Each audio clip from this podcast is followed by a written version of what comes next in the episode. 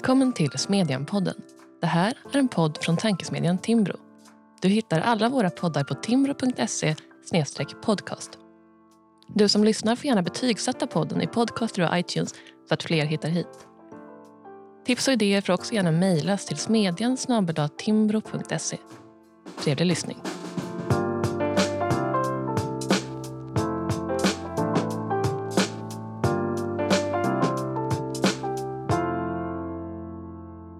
Var tredje person i arbetskraften i Sverige arbetar idag i den offentliga sektorn vilket tillsammans med Danmark är högst i hela EU och dubbelt så högt som OECD-snittet. Sedan 1980 har landets offentliga reala per capita-utgifter nästan fördubblats. Sverige har i siffror aldrig haft lika välfinansierade myndigheter, infrastrukturprojekt eller vårdplatser.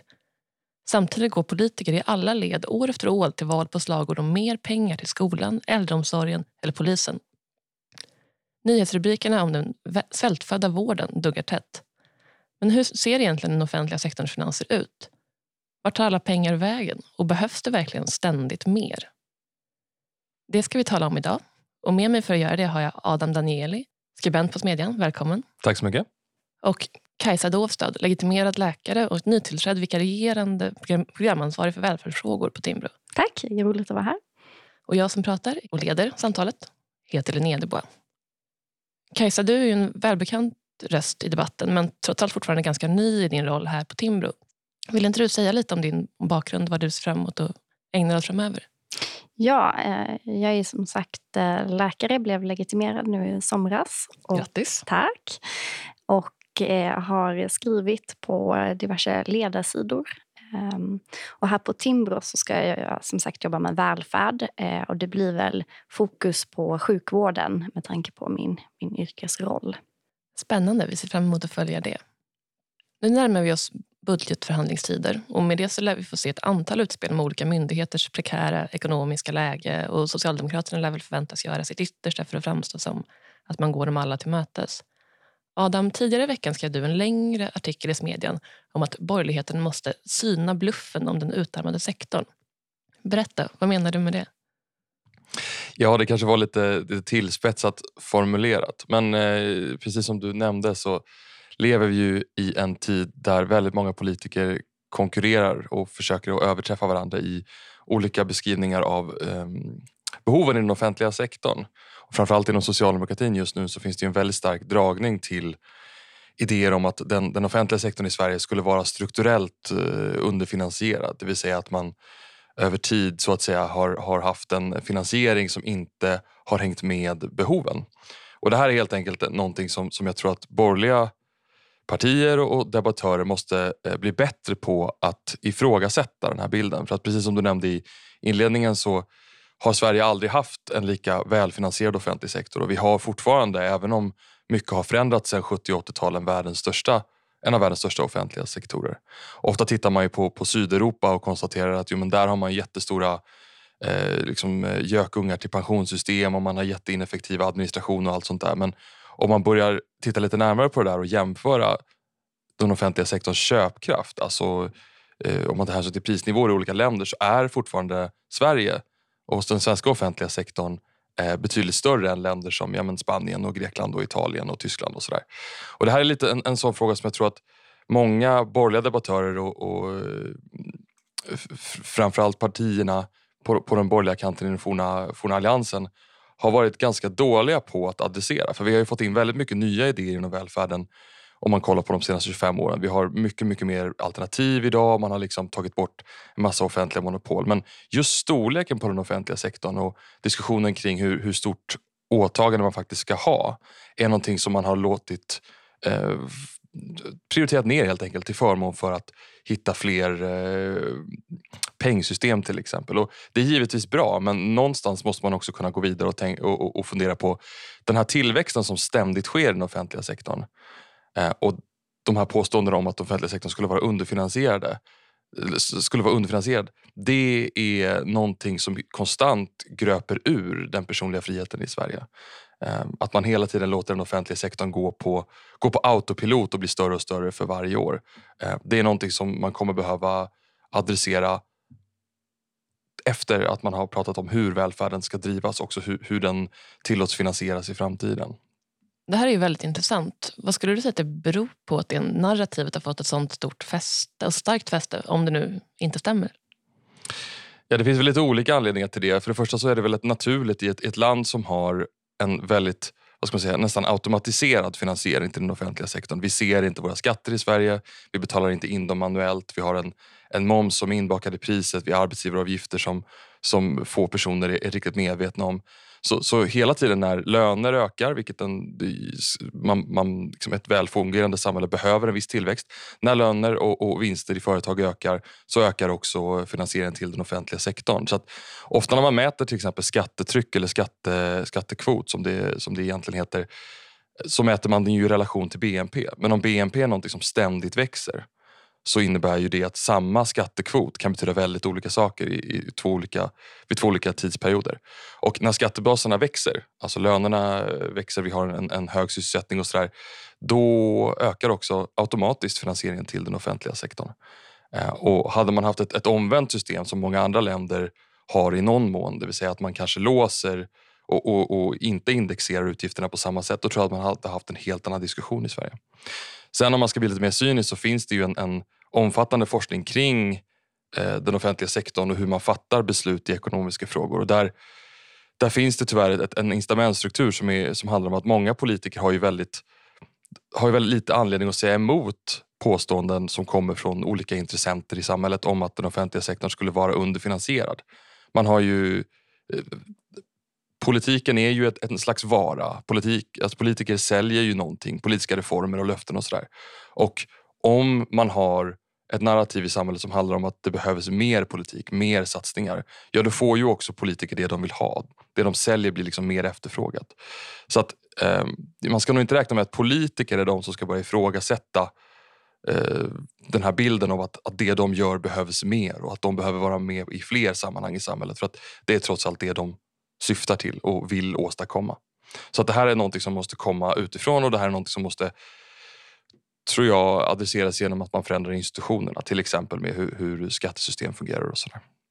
Där kan man också lägga till att utöver att politiker inte har incitament att backa så blir effekterna av finansieringsjusteringar mest kännbara för sig den individuella myndigheten eller den individuella delen av den offentliga verksamheten. Vilket gör att de rösterna hörs mest att jämföra med makroeffekterna av att skatten höjs eller sänks, de offentliga utgifterna som helhet ökar eller minskar. Jag tror också att i, i, Sverige så har vi någon slags föreställning om att all välfärd behöver vara offentligt finansierad och gå genom den offentliga sektorn. När man pratar om, om vården till exempel så är det alltid liksom den skattefinansierade vården man, man pratar om. Men all vård behöver ju faktiskt inte vara skattefinansierad. Eh, det, kan ju finansieras eh, eh, på andra sätt genom ja, egenavgifter eller, eller försäkringar. Men det är väldigt sällan man diskuterar vad mer privat finansieringsgrad skulle kunna göra för att faktiskt förbättra eh, välfärden. Både för, eh, för eh, den enskilde som kan köpa bättre vård men också för alla genom att det snabbar på teknikutveckling till exempel. Verkligen. Och det är någonting du är inne på Adam också, eller hur? Att det kanske inte, även om det till viss del handlar om effektivisering, att hushålla med de pengar man får tilldelade sig och, eh, på den offentliga sidan. Då, att ha incitament att vara försiktig så blir det i grunden en fråga om, om uppdraget. Ehm, kanske räcker inte effektivisering mot ett fast uppdrag hela vägen. Kanske måste man också ställa sig frågan vad det offentliga ska göra. Ska det offentliga göra allt? Mm. Ja, för det första tror jag man ska vara tydlig med att eh, en generell idé om att varje verksamhet på varje plats i Sverige skulle vara eh, överfinansierad eller i alla fall välfinansierad. Det, det är ju givetvis inte det som jag tror att någon av oss påstår. Utan det är klart att det finns enstaka verksamheter som när världen förändras så, så behövs resurser fördelas om. Men om man kollar på hur den offentliga sektorn har utvecklats under de senaste 20-25 åren så ser man ju att, att åtagandet har ju inte bara varit, precis som du är inne på Kajsa, att, att åtagandet har ju, har ju ökat. Alltså vi har inte bara en, en skattefinansierad vård till exempel som vi i princip men som man haft i hela, hela Sveriges moderna historia utan man börjar också få fler och fler uppdrag eh, som politiker gärna lägger på kommuner. Det kan handla om kommunikation och det kan vara olika typer av, av insatser och stöd. Och där har man ju verkligen inte haft någon som helst diskussion om vad som är kärnuppdraget. Alliansregeringen försökte ju driva den här frågan om att, att vi måste fokusera på kärnuppdraget och gjord, försökte också göra, driva igenom stora förändringar. Att, att försöka skilja på exempelvis vad som är den centrala uppgiften att sköta skola, vård och omsorg och vad som är att sköta olika typer av eh, bidragssystem. Men om man kollar på exempelvis tillväxten av antalet myndigheter eh, om man kollar på, på hur den offentliga sektorn jobbar med digitalisering så finns det ju väldigt mycket Eh, projekt som den offentliga sektorn ofta i, i förvaltningen driver på för att man hela tiden ska genomföra som, som kanske har en koppling till huvuduppdraget men som det är politikens roll att hela tiden hålla på och, och um, värdera. Är det här verkligen någonting vi ska hålla på med? Hur mycket ska vi lägga på olika typer av um, kommunikationsfrågor, värdegrunder? Hur mycket ska man lägga på, på olika projekt, kulturstöd och såna här saker? Eh, som jag tror inte bara tar liksom, resurser i det korta loppet utan också eh, tenderar att ta upp en massa tid från eh, förvaltning och politiker. Ehm. Så är det ju såklart. Men även om man liksom diskuterar själva kärnuppdraget och och eh, vad den offentliga sektorn ska ha för roll där så hamnar man lätt liksom i en dikotomi. Att antingen så ska det vara liksom 100% skattefinansierat eller om man då som, som, som Timbro kanske mer är inne på har en liten ökad grad av, av privat finansiering så får man liksom slängt i ansiktet, ja, men vill du ha det som i, som i USA? eh, utan att det liksom konkretiseras vad, vad det betyder. Men det finns ju faktiskt eh, många generella välfärdsstater eh, som har mer inslag av privat betalning i till exempel sjukvården Sverige, eh, Nederländerna och Australien eh, som lyckas eh, sköta ett, ett, ett generellt välfärdsuppdrag och eh, eh har en, en, generell finansiering men samtidigt liksom en, en, ökad grad av privat finansiering än, än vad man har eh, i, i, Sverige. Om vi går tillbaka till det här med hur pengar som faktiskt finns används utifrån de fasta uppdragen utöver det vi varit inne på att uppdraget kanske måste förändras. Synen på vem som betalar för vad kanske måste förändras. Så är, då kommer man till effektiviseringsbegreppet. Ehm, och det som sådant har blivit lite av en vattendelare kan man väl säga i den offentliga debatten där vissa ser det som en framåtsyftande och konstruktiv rörelse mot en bättre framtid. En mirakelmedicin utan nackdelar. Allt går att effektivisera lite, lite till. Och för andra så upplevs det framförallt som ett sätt att skönmåla eller rättfärdiga förtäckta nedskärningar. Ehm, effektiviteten som ondskan själv. Nidbilden av överbetalda konsulter som kommer in utifrån och strömlinjeformar verksamhetskedjor eller vad det heter och bygger bort förvaringsutrymmen ut, utan att lyssna på professionens förståelse för verksamhetens faktiska behov. Den nybilden är ganska välbekant vid det här laget. Eh, vad säger ni, ligger någonting i den skepsisen? Hur mycket kan man effektivisera i det offentliga? Det är klart att eh, man kan effektivisera. Eh, eh men tittar man på svensk sjukvård idag så eh, har man en ganska god produktivitet. Alltså man, Ehm, utfallen eh, i form av liksom, eh, hur väl man lyckas behandla olika sjukdomar är eh, är världsklass och man gör det till en, en, en relativt billig peng i alla fall. Så, så det är någonting liksom i svensk sjukvård som faktiskt fungerar ganska bra. Däremot så har man det största problemet är tillgängligheten. Eh, att eh, folk då som ja, kanske Eh, behöver sätta in en ny knäprotes. Det är inget livshotande tillstånd. Eh, man får gå och vänta eh, flera månader, ibland till och med år på att få en, en ny knäoperation. Ehm, så, så där ligger ett problem. Om, om man liksom ser till effektiviseringarna så, så, så bör jag som, som läkare som, som jobbar i det här eh, otroligt frustrerad på eh, hur ineffektivt eh, många saker är. Bara att eh, eh föra journal till exempel. Eh, även liksom, man pratar mycket om att eh, det finns hinder mellan olika regioner men även på samma sjukhus, på samma klinik så finns det eh, enorma hinder mellan olika delar av journalsystemet. Ska man lägga in en patient på ett sjukhus så ska man ofta skriva två anteckningar själv i, i liksom det vanliga journalsystemet. Och sen eh, behöver man eh, eh, kanske röntgas och då ska man skriva en röntgenremiss för att röntgen har ett eget journalsystem så de måste liksom veta eh, alla uppgifter som, som jag kan se i det vanliga journalsystemet måste jag skriva till röntgen och ska patienten sen opereras, ja men då är det ytterligare ett eh, operationssystem som det heter.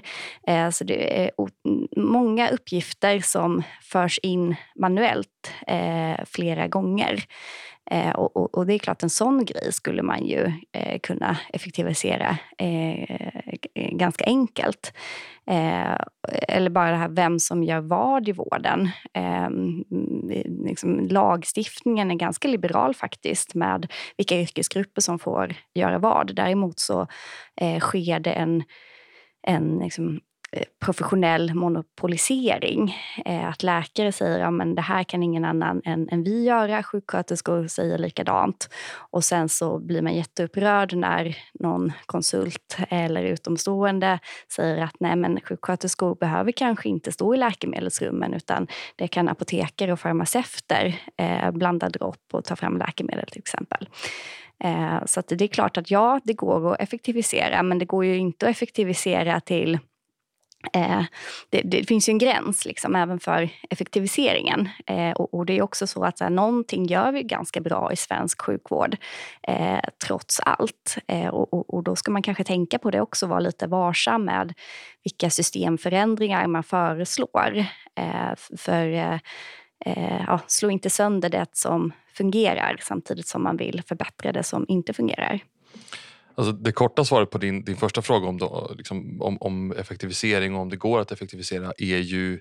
Om man ska tro Finansdepartementet och många andra myndigheter så är svaret nej. I Sverige så har vi ju ett, man har en generell, eh, ett generellt krav på effektivisering i den offentliga sektorn. Men om man kollar på de prognoser som exempelvis Finansdepartementet och, och Konjunkturinstitutet gör så, är, så räknar man med en, eh, en produktivitetsutveckling som är noll i den offentliga sektorn. Och det här är såklart en konservativ eh, beräkning Precis som att man inte räknar med liksom framtid, man tar inte framtida intäkter i, i, sina kalkyler idag så, så tar man inte in en produktivitetsutveckling. Men det är ju ett väldigt lågt eh, satt mål om man tänker sig att produktiviteten inte ska öka. För om, om, man ska göra, om man ska få saker gjorda i ett samhälle så finns det ju liksom tre faktorer. För det första så kan man ju, om man vill få mer saker gjort, Eh, för det första kan man ju öka antalet personer som gör någonting, det vill säga vi kan öka sysselsättningen eller mm, personer som är i, i produktiv sysselsättning. Och där ligger ju Sverige väldigt, väldigt högt idag. Det är svårt att öka den eh, mer. Även om det såklart är, är, är, målet när man försöker att göra arbetslivet längre och, och sänka etableringsåldern i, i, i många eh, efterstudier till exempel. Ett annat sätt är ju att helt enkelt göra att de som, de som arbetar jobbar fler timmar eller får, får mer handgrepp gjorda. Eh, och där är det också svårt att i, i längden hitta någon slags i Sverige i alla fall, hitta någon, någon ökad, eh, ökad möjlighet. Vi kan inte bli rikare genom att folk springer snabbare. Liksom. Det är inte en hållbar idé. Och det sista och det som kallas produktivitet är ju helt enkelt att man får mer gjort på samma tid. Och Det kan ju handla om eh, nya metoder och nya verktyg och ny teknik. Eh, men det som blir lite problematiskt här är ju att ofta så säljer man ju in effektiviseringar i den offentliga sektorn som den andra kategorin, det vill säga att människor ska göra mer eller arbeta fler timmar. Eh, och det är ju egentligen, egentligen helt fel. Så att genom att blanda ihop de där begreppen så har ju effektivitetsökning fått en väldigt, eller effektivisering fått en väldigt dålig, dålig eh, klang. Och vi vet ju exempelvis om ehm, när man har lagt ut olika verksamheter på entreprenad, vi kanske kommer att komma in på, på ehm, Sankt Göran som är Sveriges enda privata sjukhus, Eh, så vet vi att människor kan få mer saker gjorda utan att arbeta längre eller att fler arbetar utan att man faktiskt kan få mer gjort under samma tid genom att tänka smartare eh, och arbeta på ett mer effektivt sätt. Det är ju också så att eh, offentlig sektor har en, en, en tendens att eh, liksom, när man väl effektiviserar någonting så kommer man också på nya uppdrag. Man utvidgar eh, eh sitt uppdrag. Eh, inom vården så har man absolut effektiviserat de senaste eh, decennierna. Vi har liksom otroligt mycket mer effektiva behandlingsmetoder idag. Men samtidigt eh, Eh, behandlar man också mycket mer idag som man inte behandlade för eh, eh, 20-30 år sedan. Alltså, ta en vanlig vårdavdelning på ett svenskt sjukhus så är det väldigt många multisjuka äldre som, som, som ligger där. Eh, och eh, det kan man förstås liksom sympatisera med. Ska inte äldre få en, en, en bra vård och så? Eh, och eh, jo, eh, det är klart. Men, men någonstans, även om man liksom tänker bort pengarna så går ju liksom den etiska gränsen för var, liksom hur, mycket, hur, många, hur mycket insatser är egentligen rimligt att, att utsätta en gammal skör eh, människa för. Och där kan jag känna att, att svensk vård idag gör för mycket. Alltså jag, jag mår ibland dåligt över vad jag har sett på, på vårdavdelningar då man eh, sticker in eh, nålar i alla möjliga eh, kroppsöppningar och eh, kärl eh, på liksom äldre som, som, eh, som kanske ja, är sjuka eller dementa och liksom inte kan ta ställning till om de vill det här eller inte för att man ska förlänga livet med, eh, med ett, ett par veckor till.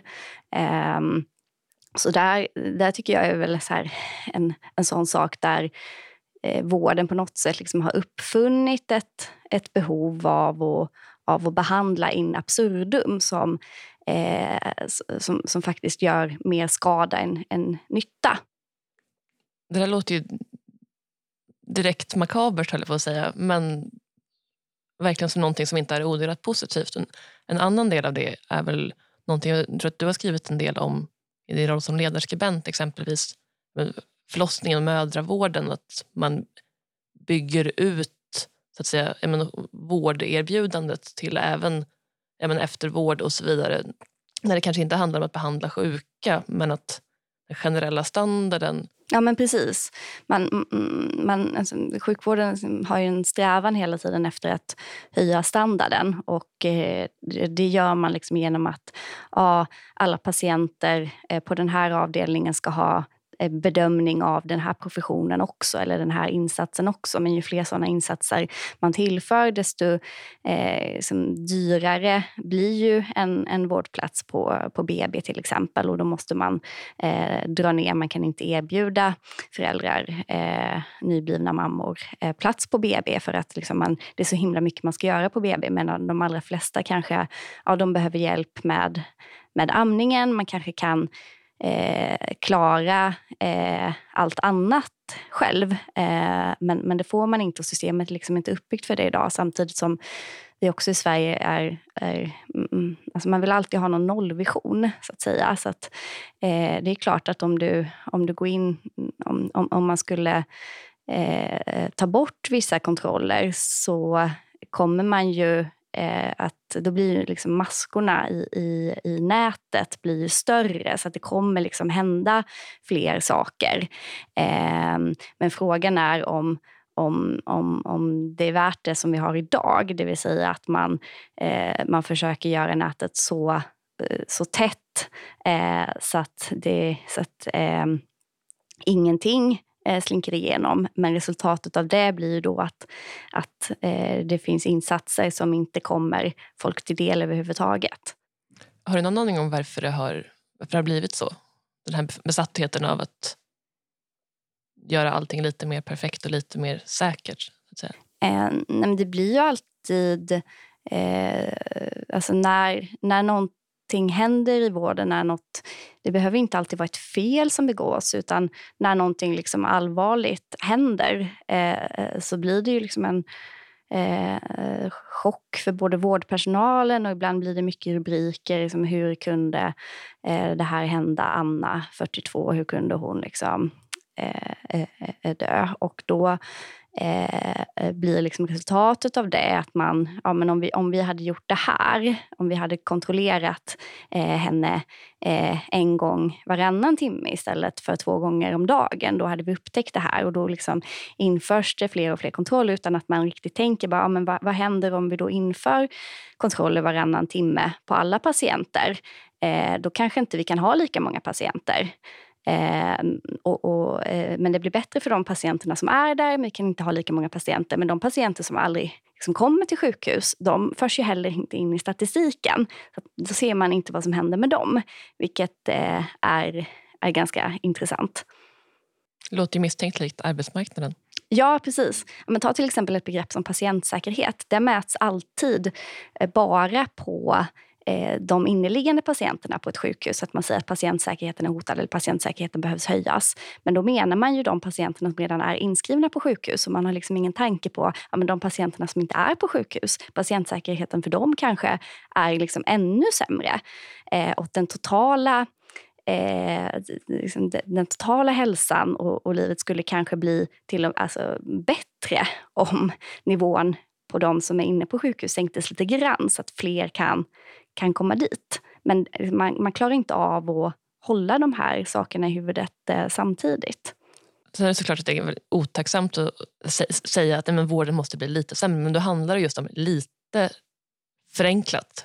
Ja, men precis. Alltså det, hand, det handlar ju om att, att man måste se ja, men vilka resurser har vi och hur kan vi maximera utfallet för de resurserna eh, som vi har. Och att man då liksom inte bara ser ja, men patienterna på, på min avdelning eh, utan att man ser att ja, sjukvården har liksom ändå ett uppdrag för hela befolkningen.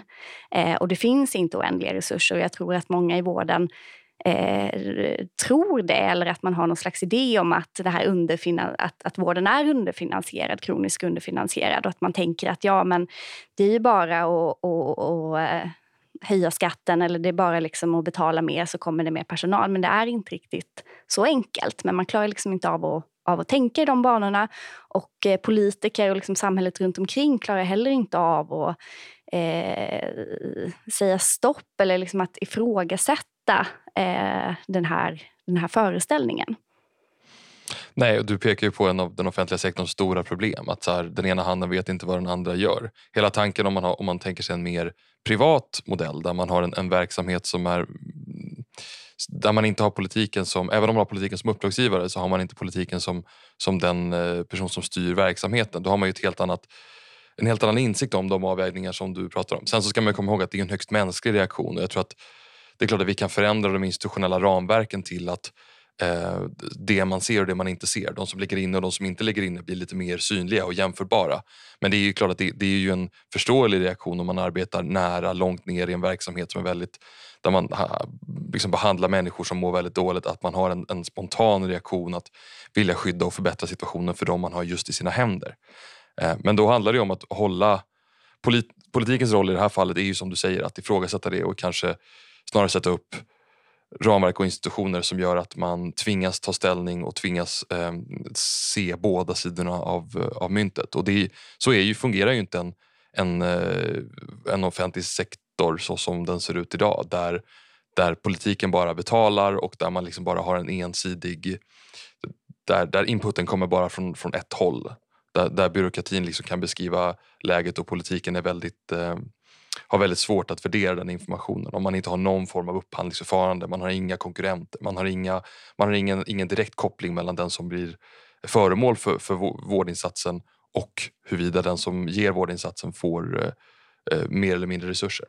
Men mm, ta till exempel akutsjukhusen i, i Stockholm. Vi nämnde Sankt Göran här eh, innan.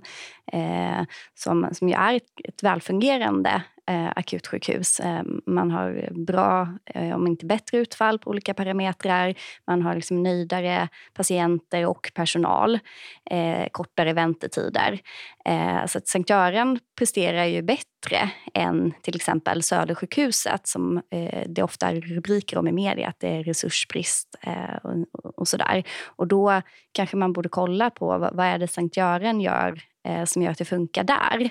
Eh, och inte hålla på och liksom lägga massa pengar i, i det närmast svarta slukhål som Södersjukhuset är för, för skattebetalarna. För eh, att, att tro att mer pengar automatiskt ger bättre effekt, så är det ju inte. Och just sådana svarta hål blir ofta vad det är. Sankt Göran är ett väldigt intressant exempel. Eh, och kritiken från vänsterhåll mot de som vill lyfta fram Sankt Göran som ett positivt exempel, eller också från sig Södersjukhusets håll, är väl att Sankt Göran har men, en, en, mer tacksam patientdemografi. Eh, man har ett smalare uppdrag, inte lika mycket ambulans, eh, inte lika mycket forskning och så vidare. Och det kan säkert stämma, men det hindrar ju inte, det motsäger inte det faktum att med jämförelser och undersökningar, att börja ställa de kritiska frågorna kring, okay, finns det någonting här vi skulle, vi skulle kunna lyfta även till andra sjukhus till andra verksamheter. Ehm, går det att göra någonting bättre? Eh, den konstruktiva kritiken är det väl ingen som riktigt har incitament att, att initiera. Nej, det är ju otroligt obekvämt eh, att ställa de frågorna. Jag såg något uttalande från Göran Stiernstedt som eh, ju är, om han är ordförande eller vd för Södersjukhuset. Eh, och han eh, är ju också mannen bakom eh, den stora utredningen offent- eh, Effektiv vård. Eh, och, och, han uttalade sig att ja, men Södersjukhuset måste kanske Eh, själva komma på eh, bättre arbetssätt och hur de kan arbeta mer effektivt. Eh, och, det har han ju fått mycket kritik för, men det ligger absolut korn av, av, av sanning eh, där också. Bara om man läser Hanne Kjöller som är Eh, ledarskribent på Dagens Nyheter eller ledarkrönikör eh, och även sjuksköterska som eh, hoppar in på Södersjukhuset ibland så blir man ju man blir mörkrädd. Det finns uppenbarligen saker att, att göra och eh, mm, jag känner att jag vill inte att mina skattepengar eh, att ytterligare en andel av mina skattepengar läggs på en verksamhet som, som uppenbarligen fungerar så ineffektivt. Eh, jag tror många, vi, vi har hög skatt i Sverige, vi ska ha liksom en, en, en bra offentlig vård. Eh, men någonstans går ju också gränsen för hur mycket resurser vården eh, kan, kan sluka. Och det får lov att bli sista ordet för idag. Kajsa Dolstad och Adam Danieli, varmt tack för att ni var med. Tack. Tack. Avslutningsvis vill jag tipsa om den krönika Kajsa skrev i Smedjan förra veckan med rubriken Fattigpensionärer är inga hjälplösa offer som handlar om hur media måste våga ställa granskande frågor även till känsliga grupper. Den, Adams essä som vi diskuterade tidigare och mycket annat hittar ni i vanlig ordning på timbro.se smedjan.